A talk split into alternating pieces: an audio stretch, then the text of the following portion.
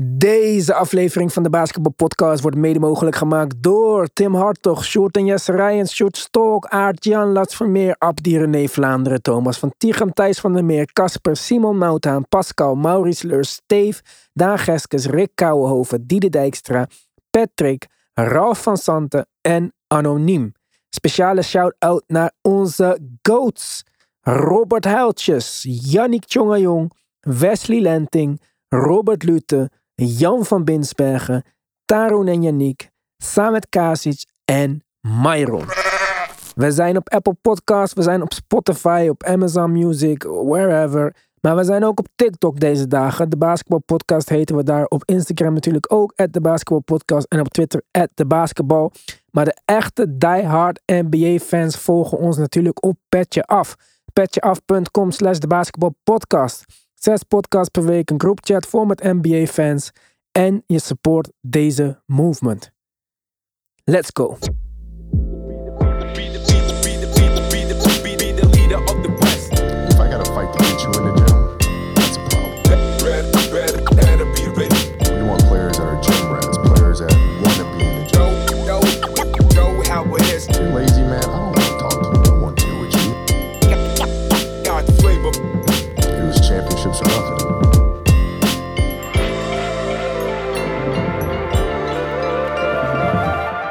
Ja, Tim, daar zijn we weer. Live uitzending gehad van de week. Dat was allemaal leuk en aardig. Maar in de aftermath van deze trade week, deadline day, hebben we al een eh, aantal spelers aan het werk eh, kunnen zien voor hun nieuwe club.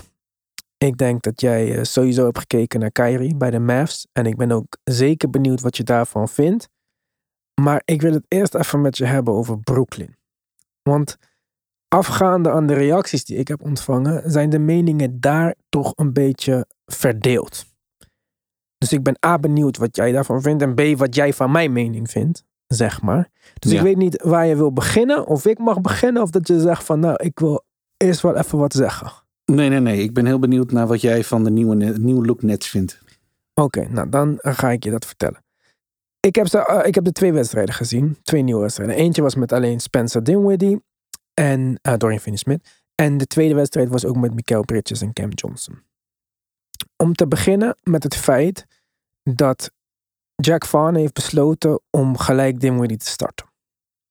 Ik vind dat op zich opmerkelijk. Vanuit mijn perspectief. Omdat ik denk van, oké, we hebben nu een groepje spelers waarvan de meeste spelers die we nieuw hebben, hoe goed ze ook zijn, roleplayers zijn. En dat is hun ceiling.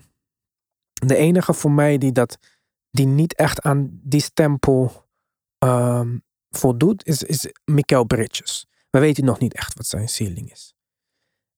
Maar voor mij zou dit de ultieme kans zijn om te kijken wat je hebt en wat de nieuwe richting van het team wordt. Want dat zou ik niet kunnen aflezen aan dit rijtje van namen op papier, zeg maar. Dus wat ik graag had willen zien.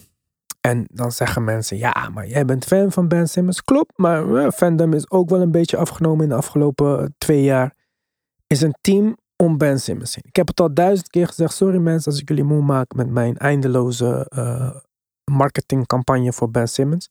Hij was fucking slecht dit jaar. Dat geef ik ook eerlijk toe. Hij is niet goed. Misschien nu ook. Misschien gaat hij het ook nooit meer worden. Dat allemaal weet ik niet. En juist daarom wil ik het weten. Je hebt op dit moment de mogelijkheid om het team om hem heen te bouwen. Zoals dat naar mijn mening in zijn beste vorm zou kunnen zijn. Je hebt 3D wing, wings in Mikael Bridges, in Dorian Finney-Smith, zelfs in Royce O'Neal, zelfs in Cam Johnson tot een bepaalde mate. Je hebt elite shooters in Joe Harris en Seth Curry. Ehm, je hebt backup guards, naar mijn mening, in Spencer Dinwiddie. En je hebt misschien een half-court scorer in Cam Thomas. Ideale kans, nogmaals, voor mij om te kijken van waar zijn we, waar gaan we heen en wat gaan we doen. Het tegenovergestelde gebeurt. Ik dacht eerst waarom gebeurt dit en toen dacht ik ja, het is ook ergens wel logisch. De coach is Jack Vaughn. Die coach niet daar om te kijken wat de ultieme ceiling is van dit team of zo. Dat is niet zijn baan. Zijn baan is om wedstrijden te winnen, maar vooral om zijn eigen baan veilig te stellen. Dus als ik voor veiligheid ga, dan spel ik spelers op waarvan ik weet wat ik van ze kan verwachten. En zodoende start hij met Dimwitty, met Dorian Finney-Smith. En dan heb je misschien een oké team. En dan is de floor misschien hoog. Of dan is de floor misschien, laten we zeggen, van cement in plaats van drijfzand als je Ben start. Maar dan weet je ook precies wat je ceiling is. En misschien is het in de interesse, beste interest of Van om 500 te gaan de rest van dit seizoen en een contract te krijgen. Maar ik vind dat niet in de beste interesse van de Nets. Ik wil weten wat, wat we kunnen doen. Ik wil weten of er nog iets in Ben Simmons zit. Dus naar mijn mening kun je daar alleen achter komen als je hem speelt. Kijk, nu weten we wat Ben Simmons is. Een waardeloze speler waar je niet eens een second round pick voor kan krijgen, zowat. Ongeveer, toch? Dus er kunnen twee dingen gebeuren. Of je speelt hem de rest van het seizoen. En na het seizoen weet je dat nog steeds. Of je krijgt een nieuw inzicht. En je denkt misschien, hé, misschien kan hij weer wat. Misschien heeft hij zichzelf toch in de kijker gespeeld bij een team. En dat, ik vind dat je daar achter moet komen. Je betaalt wel 35 miljoen aan deze man. En misschien boeit dat Jack Vaughn niet.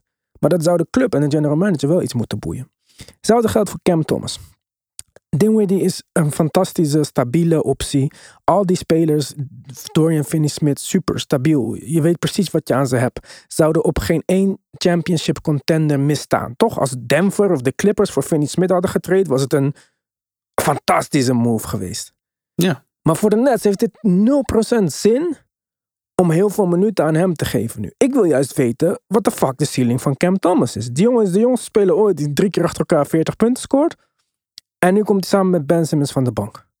Ja. En net als met Ben Simmons. Oké, misschien coach je gedeeltelijk voor je baan. En misschien eh, mag je Ben Simmons gewoon niet, waar het ook een klein beetje op lijkt. Maar als je hem dan van de bank brengt, speel hem dan in ieder geval als point guard. Gaat hij hem van de bank brengen als center? Ja, dat irriteerde was- me nog ja. meer. Ja. In de eerste wedstrijd krijgt hij 19 minuten van de bank en in de tweede wedstrijd 16. Ik begrijp dat gewoon niet. Ik begrijp het niet vanuit het perspectief van de Nets. Ik begrijp het vanuit het perspectief van Jacques Vaughn.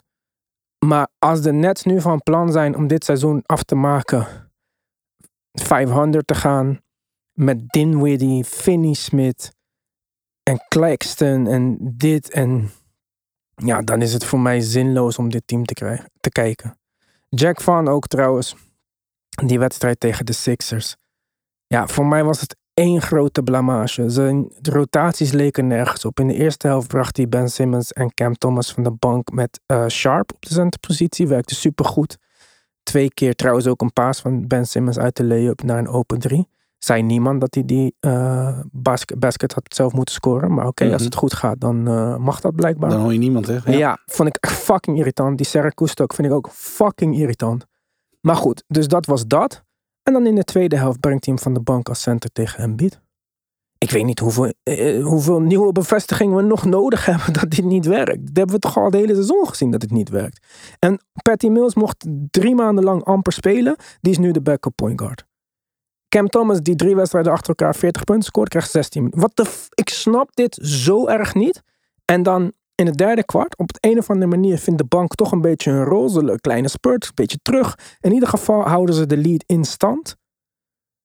Ze doen één dingetje volgens Jacques van fout. Time-out. De hele startinglijn komt er weer in. Dus dan is voor mij lijkt het alsof je van tevoren iets hebt bedacht. Maar in de wedstrijd niet kijkt naar het moment of de aanpassingen. Of wie er wel of niet goed in, in de game zit. Dimwitty komt er weer in. Zat niet in de wedstrijd. En ze verliezen die wedstrijd. Ja, voor mij is dat genoeg reden om vandaag Jack Van te ontslaan. En dat was mijn eh rant over de Nets. Ja, nou, ik ben blij dat je als eerste aan het woord was. Want eh, ik heb het echt heel anders ervaren. Ik vond het eh, fantastisch leuk om te zien. Dat allereerst. Heel verfrissend. Heel bewegelijk.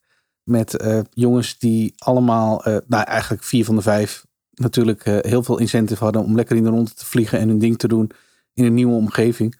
En ehm, ja, ik heb, echt, ik, heb, ik heb echt genoten. Ik kan, dat kan ik echt wel zeggen. Ik vond het leuk om ze te zien. En ik kreeg al heel snel eh, het idee, nou als Nets-fan is het volgens mij, en dit moet ik natuurlijk wel even in asterisks plaatsen, maar eh, is het helemaal niet zo'n probleem om, om nu deze Nets te gaan kijken in plaats van wat je voorheen zag met alle drama en alle vraagtekens daaromheen. En kun je nu gewoon kijken naar een jong team met jongens die eh, eigenlijk zoals ik al zei, want ik vind dat, wat mij betreft, zoals ik het zie in ieder geval, de samenvatting. Er zijn gewoon jongens die, die gewoon eh, heel enthousiast in de rond te vliegen. En, en daarin heel leuk basketbal spelen. Want ze zijn wel, vind ik in ieder geval, erg talentvol. Je punten over ehm, Simmons en Thomas, die deel ik in, in zekere zin wel. Ik eh, begin steeds meer het idee te krijgen dat voor beide, maar voor Simmons zeker, het gewoon een vertrouwenskwestie is. Eh, nu nog een punt willen maken over Simmons en nu nog een punt willen maken waarin er van Simmons uitgegaan wordt in een nieuw idee rondom de Nets, is simpelweg, ja, zou ik de vraag willen stellen, op basis waarvan? Wat heeft Simmons laten zien waardoor een coach nu denkt, ja, dat moeten we doen. En ik ben het met je eens dat het front office waarschijnlijk daar een ander idee over heeft. Dat wil ik best geloven. Zou ik ook wel hebben als ik in de front office zit van de Nets. Maar dat een coach dat anders ziet, ja, dat snap ik ook. En dat is natuurlijk het, het, het snijvlak tussen eh, front office en, en, en coaching, waar je wel eens vaker tegenaan loopt. Verschillende belangen ook wel. Uh, maar ik vind het moeilijk om inderdaad uh, ja, een, een argument af te drukken waarin Simmons per se moet, uh, zou moeten starten. En waarin je een team om Simmons heen zet. Waarvan je zegt, nou laat eens kijken wat Simmons nu kan zijn zonder die twee sterren om hem heen. Vind ik nieuwe... ook. Vind ik ook. Hij heeft het niet verdiend. Ik zeg niet, ook niet dat hij het verdiend heeft of zo. Ik zeg, ik zeg ook niet dat er een teken is waarvoor je dit moet doen nu of zo. Maar dan is het toch gewoon een gebrek aan vertrouwen? Ja, maar dat is dus niet. Er hoeft geen vertrouwen bij te komen kijken.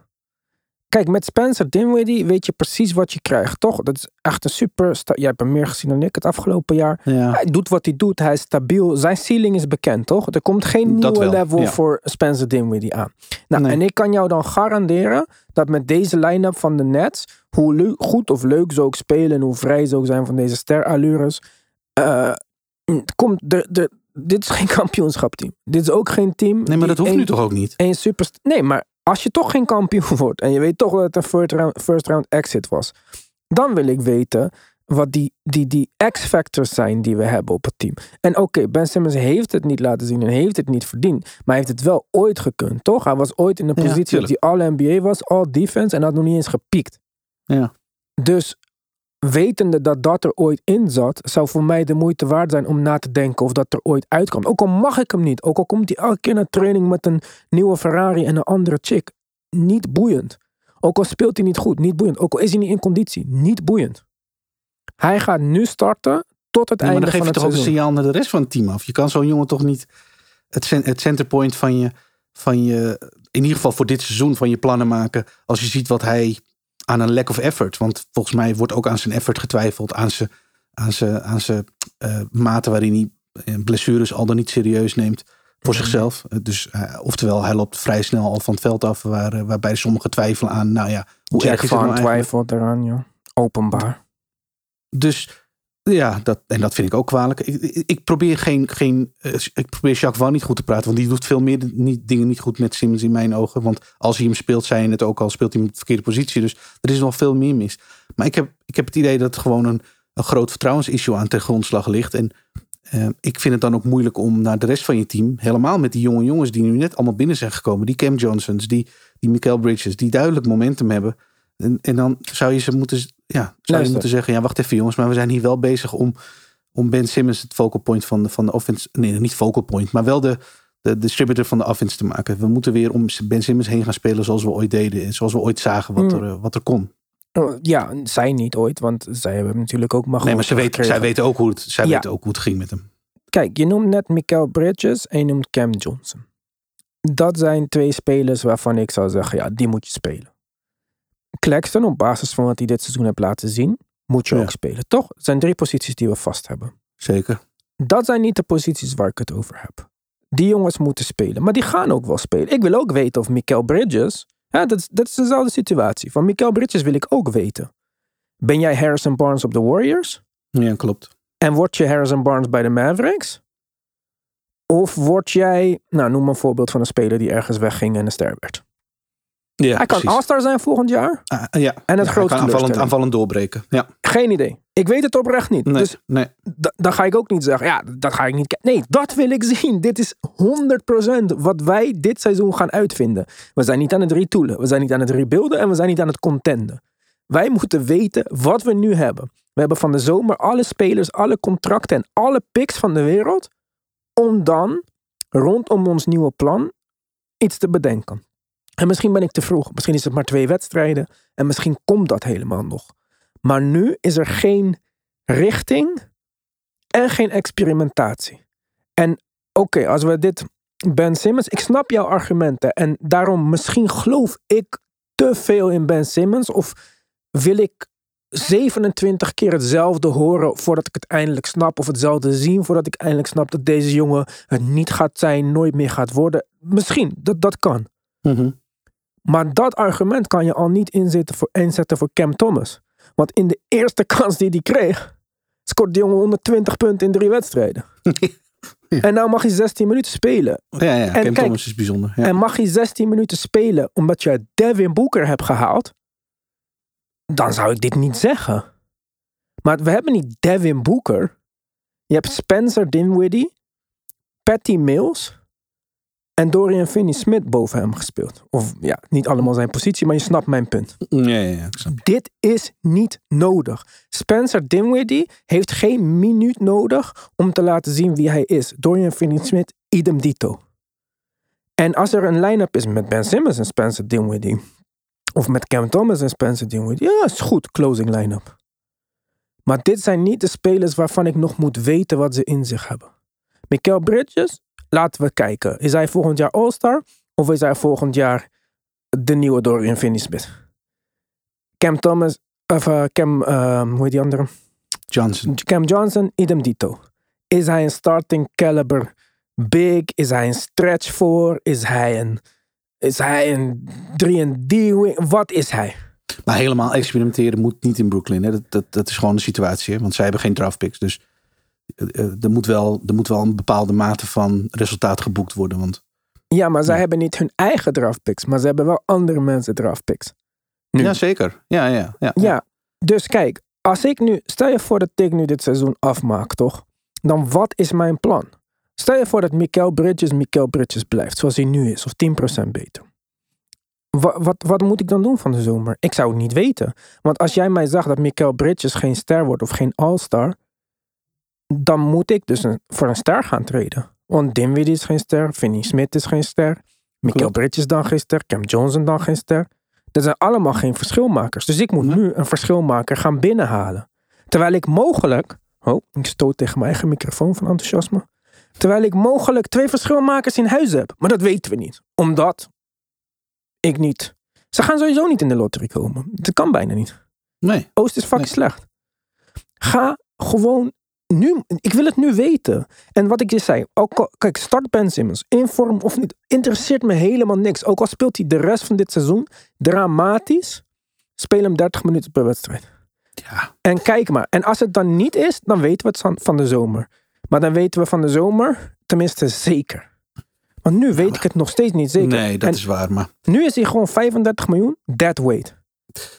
Ja, dat is een gegeven. En dat, dat, dat, dat salaris is wel een argument. Maar ja, inderdaad, dat is voor een, kan voor een coach natuurlijk geen, geen beslissingsmaker, geen beslissing, beslissende factor zijn. Nee, coach niet. Maar kijk, daarom zeg ik, ik snap het van, van Jacques Van. Die Ja. trouwens naar mijn mening echt een slechte coach is. En ik heb daar, daar kunnen we in een petje af, kan ik er 50 minuten over praten wat hij allemaal fout doet. En waarom hij ook nog nooit in zijn carrière geslaagd is. Terwijl hij al drie keer de kans heeft als, gehad als interim coach. Maar dit, dit is het gewoon niet. Dit is niet de richting die de Nets moeten kiezen. Want anders weet je, van, anders weet je niet van de zomer wat je moet doen. Nou, wat ga je doen met al die, die draft picks? Die draft picks zijn waardeloos, hè? Ze hebben allemaal waardeloze picks. Dus die waardeloze picks, dat is net die picks van de Nets. Ehm, ga je er wat, vijf geven van Anobi? Nou, succes. Dan heb je alle drie die wings in de hele NBA op je team. Nee, dat klopt. Nee, nee, nee. Nee, het is eerder andersom. Ik, eh, ik kan me een scenario voorstellen waarin zij komende zomer als Michael Bridges, nou, laten we zeggen, niet helemaal doorbreekt nu. Want dat scenario moeten we dan even uitsluiten. Als dat wel zo is en hij eh, bereikt echt all-star niveau, dan, dan hebben we antwoord op een vraag. Dat, dan, dan weet je al wat je in huis hebt.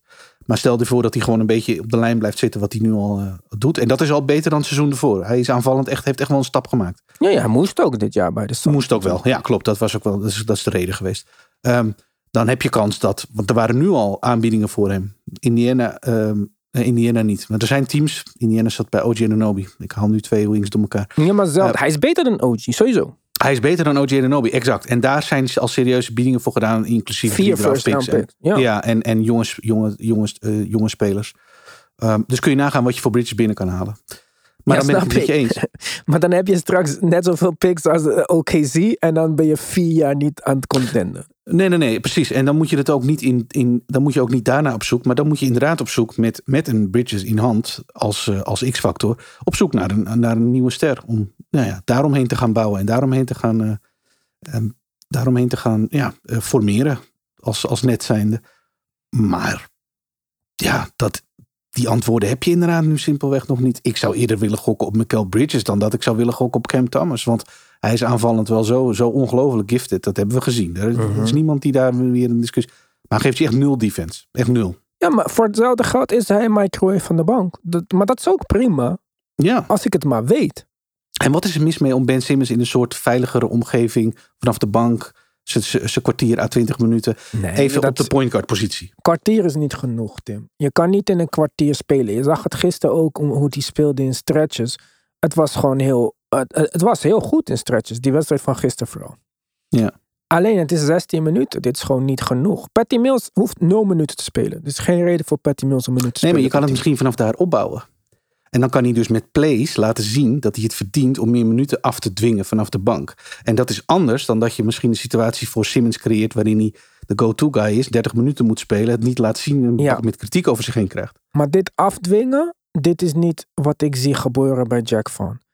Jack Van heeft zijn mening, zijn mind is al made up over Ben Simmons. Over Simmons, ja, dat, Dit is- dat denk ik ook. Ik zat er te kijken en het was eigenlijk wat ik zie bij Thibodeau. Ja, Randall kan zeven drie punten op rij missen. Er komt geen minuut extra voor Obi Toppin. nee, nee. En Obi Toppin kan is- net vijf naar, naar elkaar. Het boeit echt totaal niet wat er op dat moment in de wedstrijd gebeurt. Nee. En dat was gisteren precies hetzelfde. Dinwiddie zat niet in de wedstrijd. Er was geen reden om Dinwiddie te spelen. En hij ging precies naar zijn starting line-up terug. Het was niet eens één andere speler of zo. Het is gewoon, ik heb dit plan bedacht en het klinkt logisch en in mijn hoofd klopt het. En eh, ik zie wel dat er iets anders gebeurt, maar ik blijf gewoon lekker doorgaan. Dat koppige wat coaches kunnen hebben, dat heeft ook Thibodeau. En coaches kunnen maar tot daaraan toe invloed hebben op de wedstrijd. Hè? Ik vind niet dat coaches altijd de schuld moeten krijgen of zo als een speler niet goed speelt. Maar een coach kan wel aanpassingen maken. Aanpassingen maken, ja zeker. Ja. En Ja. dat heeft hij niet gedaan. En hij heeft credit gekregen door de nets weer op de rails te krijgen. Tussen aanhalingstekens die je niet kan zien in deze audio-podcast. Maar dat slaat nergens op, hè. KD en Kyrie wouden gewoon niet spelen voor Steve Nash. Toen hij wegging hebben ze even een tijdje hun best gedaan. En dat was het. Nu moet hij coachen. Nu gaan we zien. Hij kan niet coachen. Ik kan je dat nu vertellen. Dit is, dit is misschien... Nou, maar dit zijn denk ik twee verschillende zaken. We- Dit hebben we eerder besproken natuurlijk. Dit Ja, is ja, het maar verschil bedoel- tussen people management en X's en O's. En, eh, het Ja, maar welke people management? Het was geen people management. Want hij heeft die people niet gemanaged. Want die Nou, people er hebben uiteindelijk er nog een neuzen de verkeerde aangevraagd. kant op. En die heeft hij toch, vragen niet hoe, een kant op gekregen. En dan kun je inderdaad wel stellen. En tuurlijk is dat zo. Waarom krijgt hij daar als- credit voor? Hoe weten we dit? Nee, het is een aanname. Dat klopt. En ik denk Ja. dat voor een groot deel ook eh, dat Maar- het ook bij die sterren ligt. Tuurlijk, als KD en Kyrie zeggen we gaan ervoor. Oké, dan, dan gaat het al snel eh, eh, een kant op. Maar als coach moet je dat wel in goede banen leiden. Die- uiteindelijk ben jij wel degene die, al is het maar rondom die sterren, Oké. de spelers neerzet en, en, en laat spelen. Oké, maar het leek alsof hij ze de goede kant op had gekregen. Want het Klopt. ging beter qua spelen, toch? Ja. Maar de eerste kans die ze kregen, waren ze gone.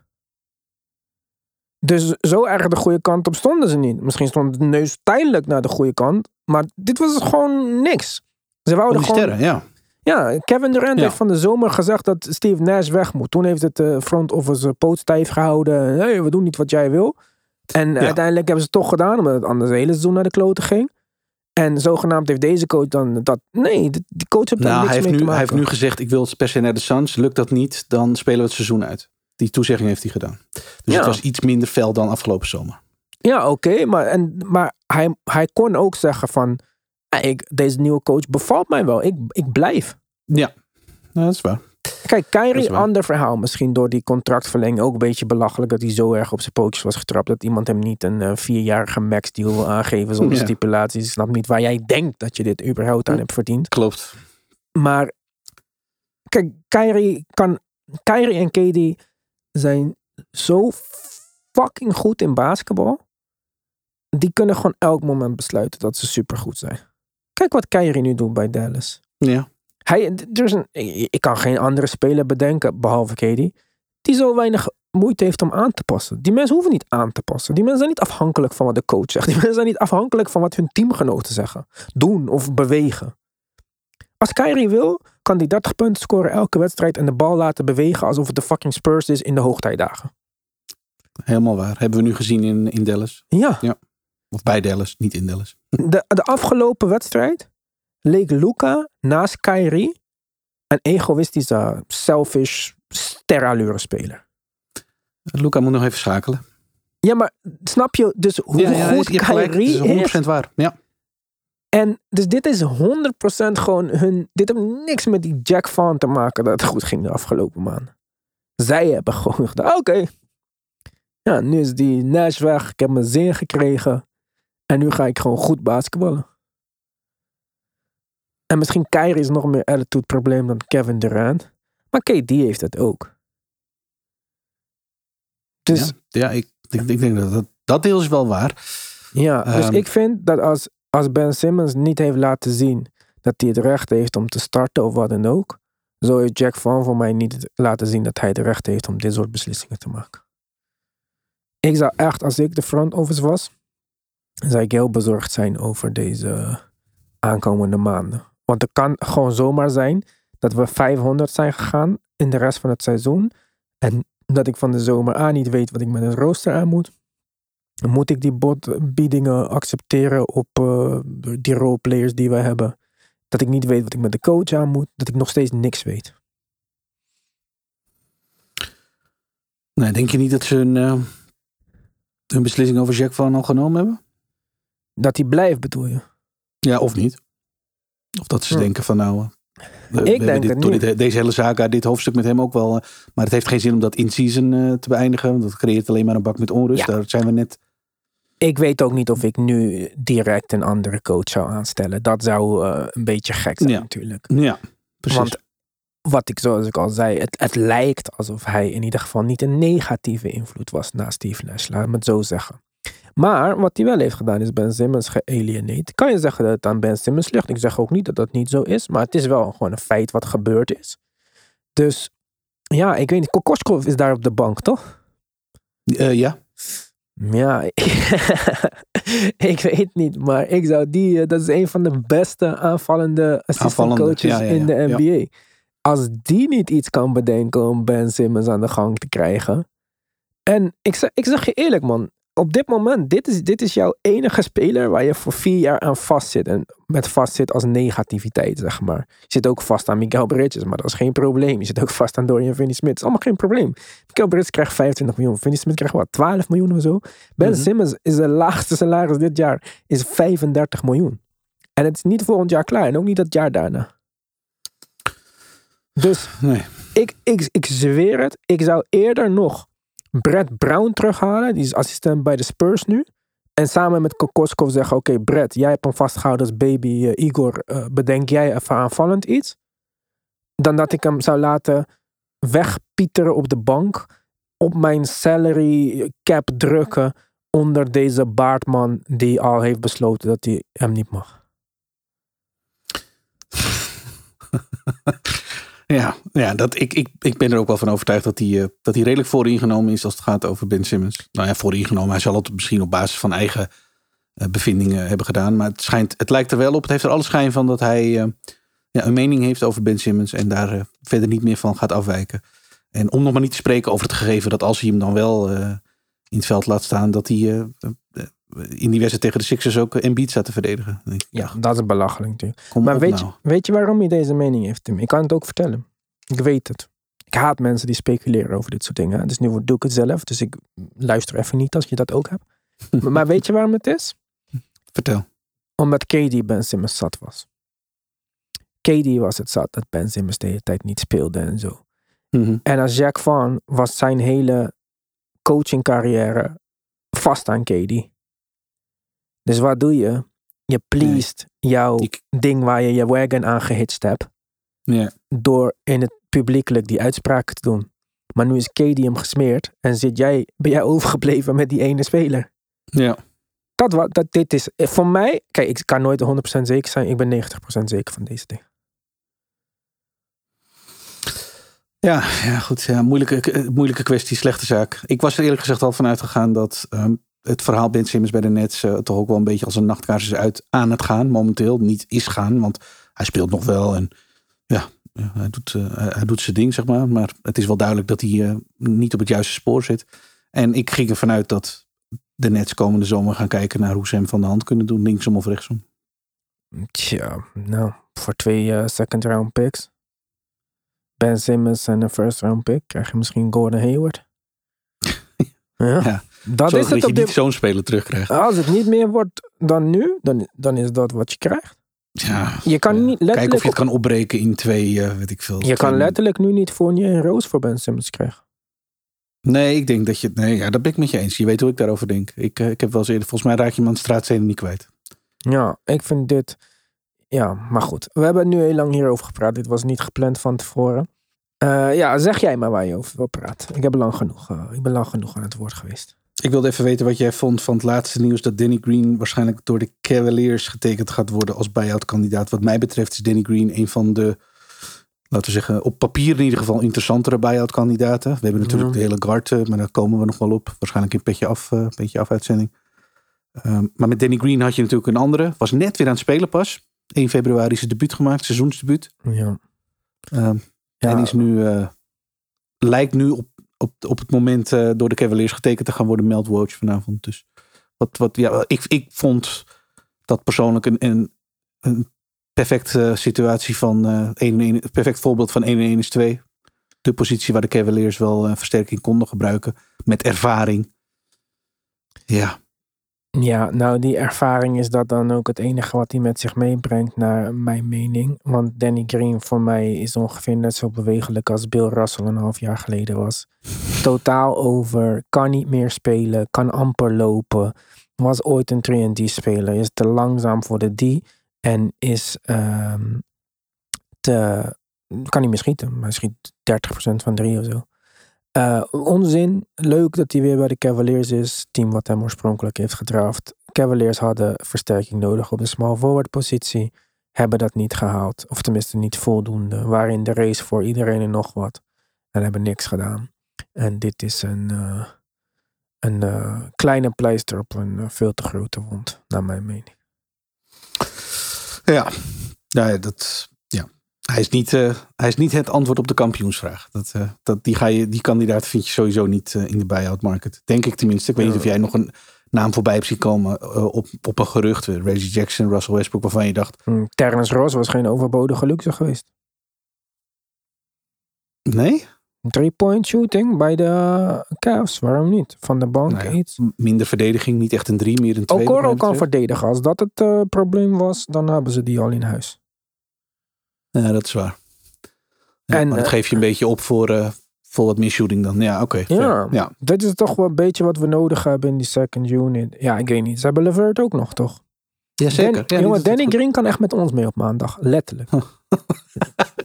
Weet je toch die oude mensen die na ons kwamen één keer, die loopbasketbal doen? Ik wist niet eens wat loopbasketbal was. Dit is Danny Green level. Oh, ja. Ja. Ja, ja oké. Aardige Ja. jongen. Super. Professional, veteran, leadership, vast. Slimme jongen, geen gangster, geen onzin. Maar kan niet meer spelen. Nee. Ja. Nou ja, goed. Dat gaan we, dat gaan we zien. Of hij eh, inderdaad... eh, ja, het zal sowieso een beperkte minuten zijn. Het spreekt voor zich. Een jongen op die leeftijd binnenhaalt in die situatie. Komt net van een grote blessure af. Ja. Dan haal je hem niet binnen omdat hij eh, inderdaad moet gaan starten op de drie. En het antwoord is op al je vragen. Want dat is hij niet. Dat spreekt voor zich. Maar ik dacht dat het wel een... Ja, een leuke aanvulling was. En soms zie je dat op de buyout market. Dat er zo'n speler... Volgens mij hebben we dat met Blake Griffin ook wel gezien. Ja, daar daar zullen de meningen ook over verdeeld zijn. Maar dat het in ieder geval een speler is die nog wat kan bijdragen. Ja, dat kan Anders. Danny Green niet, Tim. Danny Ja, dat- Green heeft dat de dus afgelopen niet, hoor. vijf jaar niks bijgedragen. Danny Ja, Green als je was niet veel van hem in... vraagt op een team dat goed draait verder. Nee joh, Danny Green was op in Toronto.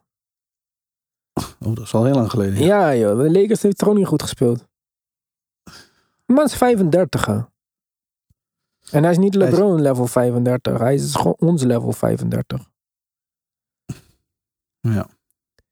Kijk Ja. Tim, dit, dit- nee joh. Deze man eh is game over. It's over. Ja. Ehm, dan even de volgende vraag. Wat vind jij van het hele Gary Payton verhaal? Ja, ik weet het niet. In de groupchat, Jens was heel boos op Portland. Als ze echt informatie hebben achtergehouden, valt daar wat voor te zeggen natuurlijk. Aan de andere kant vinden, ja, daarom zijn er een medische checks. Nou, die heeft hij niet gehaald. Eerst kwam naar buiten dat het drie maanden was. Nou lijkt het toch dat dat wel weer meevalt. Dat het misschien vier, vijf weken is. Ehm, daarentegen had ik nooit verwacht dat de eh, Warriors deze trade niet zouden door laten gaan. Want zelfs al kan die niet spelen de komende drie maanden, besparen ze nog steeds 50 miljoen of zo. Door niet Wiseman te houden. En Wiseman, wel geblesseerd of niet geblesseerd, speelde ook niet. Dus ja, ik vind het een beetje een non-issue. Jij? Ik vind eh, twee dingen wel bijzonder. En dat is enerzijds dat we dit niet zo heel vaak meemaken. Dus ik ben wel benieuwd wat er uit het onderzoek van de NBA komt. Want dat gaat er blijkbaar wel komen. Uh, maar dat is nog tot daar aan toe. Ik vond hem als uh, aanwinst ja, in potentie best wel belangrijk voor een Warriors team dat dat heel goed kon gebruiken. Dus ik ben wel een beetje benieuwd Zeker. naar wat, ja, wat dit dan voor effect gaat hebben op ja, een team voor, als Golden State zijnde. Wat, en ik heb dit in Tim Talk ook een beetje aangekaart. Dat ik denk, ja, we, we roepen met z'n allen wel. We hebben wel vertrouwen in de Warriors als playoff team. Wel, als ze langs de playoff behalen, komen ze er wel. Maar wat is het scenario dan waarin de Warriors, laten we zeggen, als de nummer 6 seed de playoffs inkomen. En dus al heel snel waarschijnlijk een, een, een hele goede tegenstander treffen als het gaat om het top in het westen in de eerste ronde. Ja, weet ik niet. Want dat is, dat is, dus, dat is dan het gevolg.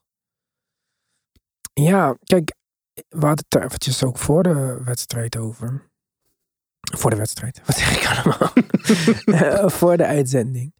Maar ik, ik snap niet waarom ze überhaupt niet gewoon gekozen hebben voor Sadiq B. Hadden ze nog meer geld bespaard? Oké, hij is misschien niet die, die de, defensive stopper natuurlijk wat GP2 was. Maar hoe dan ook was GP geblesseerd geweest al vier maanden of zo. Maar ze hadden A, nog veel meer geld bespaard. En B, ja, je nog een wingman size erbij gehad. Villanova speler, dus ik verwacht dat die zou werken in hun systeem en zo. Ja, maar GP2 is wel het voorbeeld van een speler die zo kan, zo kan um, ja, plug-and-play, zeg maar, in, op een team waarin dat niet altijd vanzelfsprekend is. En als je dus een mid-season acquisition doet, zoals je dat nu gedaan hebt, dan mm. zou je er toch eentje liever willen hebben die bekend is met. Ja, dat is een punt, ja. En ja, dat, die, die vlieger gaat niet op. Hij zou midden in de playoffs eventueel terugkomen. Ja, dan moet er wel midden in de playoffs zijn. Ja, ik denk dat die wel eerder terugkomt hoor. Want volgens mij was die alweer een beetje bijgesteld. Die, uh... Oh, oké. Okay. Dus uh, ja, het is, ze hebben sowieso niet genoeg gedaan. Dus ik, ik snap het. Het is niet ideaal, zeker niet. En ik zeg ook zeker niet dat het netjes is van Portland. Als het allemaal zo is. Hè. Portland ontkent het momenteel. Maar niet zo'n, voor mij is het niet zo'n big deal. Want het was sowieso niet echt een super needle mover voor mij. Nee, Nee, oké. Okay. Dat. Uh... En wat ik al eerder heb gezegd ook, uh, ik weet niet waar, maar waarom had je dit niet van de zomer besloten? Je had van de zomer Wiseman kunnen treden voor waarschijnlijk meer dan dat je nu hebt gehad. Ja. En dan had je GP2 kunnen resignen. Dan was zijn hele blessure in jouw uh, beheer geweest. En dan had je dit allemaal kunnen vermijden. Maar jij had nog een half jaar nodig na twee jaar om erachter te komen dat Wiseman niet in je systeem paste. Dat hebben wij vorig jaar gezegd. Ja, ja, dat is wel een misser. Dat, uh, dat, ja. dat, staat er niet mooi op, dat is duidelijk. Ja. Dus dit is ja. sowieso, ik snap het, niet netjes van Portland als het inderdaad zo is. GP2 kon dat ook zelf aangeven. Hè? Het is niet alsof hij geen contact heeft bij uh, de Warriors. Nee, ik vind het altijd een moeilijke discussie. Als spelers zijn de, de, op een gegeven moment voor een deel vertrouw je misschien wel op een medische staf. Natuurlijk ben je er zelf bij. Je bent, je bent niet helemaal gek, want je voelt pijn. Dus je kan, je kan signalen geven. Um, ja, ik weet niet hoe ver het gaat totdat je als speler zegt. Hij heeft spuiten hem... gehad, zegt hij Tim. Dat kan ik ja. wel. Uh, dat, dat, is niet. Ja, maar er zijn meer spelers die met spuiten spelen. Ik bedoel, dat, is, dat, dat, dat, dat, bedoel, dat gebeurt. Als een, als, als, zolang je als speler weet dat het niks ergend, ergers maakt dan het is, kun je sommige spelers best overhalen om af en toe ergens een spuit in te zetten en te gaan spelen. Dat gebeurt. Ik kan met Joel Embiid, ik bedoel, dat is de eerste die bij me opkomt. Mm -hmm. Ik denk dat die wel bekend is met pijnstelling spelen in de vorm van een spuit of, of, of hij moet wel hoe roekeloos hij uh, met ja, lichaam dus, weet je, dus ik, ik, ik, ik, ik, ik las die berichtgeving ook, maar daarvan dacht ik, ja, het, het is niet als je met spuit op een speler afloopt dat hij zegt, nou, oh nee, nee, dat gaan we niet doen. Ik ga echt niet spelen. Nee, dat, er zijn situaties waarin, waarin de medische staf, en dat vind ik wel kwalijk, hem waarschijnlijk onder druk heeft gezet of heeft overtuigd, een van de twee, om wel het veld op te gaan, maar met die spuit. Ik En ben de zoon van Gary Payton. Je kan mij niet onder druk zetten. Ja. ja. Je kan niet. Ik ben opgegroeid met NBA. Ik heb een vader die in de NBA heeft gespeeld. Je kan mij niet onder druk zetten alsof ik niet weet wat de fuck er aan de hand is. Ik zou het, ja, jij zou toch ook tegen je vader zeggen: Ja, ik weet niet, pap, maar elke wedstrijd eh, moet ik gewoon een spuit nemen. Ik wil eigenlijk niet. Denk je echt dat Ja. jij beter dan zegt: Nou, zo'n eh, go with the flow? Tuurlijk niet. Nee, nee, nee. nee. Dit geloof Ja. ik. Dus dit is voor mij allemaal niet. eh, iedereen is schuldig een beetje. Gary Payton, een beetje Portland. Maar Warriors hebben dit zelf eh, allemaal veroorzaakt door. eh, Ja, ja, die hadden dit anders kunnen doen. Ja. absoluut. Dat ben ik met je eens. Eh, heel snel nog even laatste nieuws, wat wel vermelden waard is. Oké. Kom, kom net binnen. Pelicans All-Star Zion Williams heeft zijn hamstring strain re-aggravated. Ah, jongen. En gaat dus nog meer weken missen. Additional weeks after, after the All-Star break. Ja, zie, ik, ja.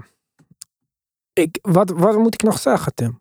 Met Zion waren ze tweede in het Westen. Maar die jongen, ja, hij kan niet fit blijven. Maar wat betekent dit voor de Pels dit seizoen? Ja, nou ja, Ingram is net terug, toch? Eh, 20 plus wedstrijden nog maar. Hè? Iets van 25 of zo zou ik zeggen gemiddeld in de league. ja, maar ja, hoeveel staan ze nu?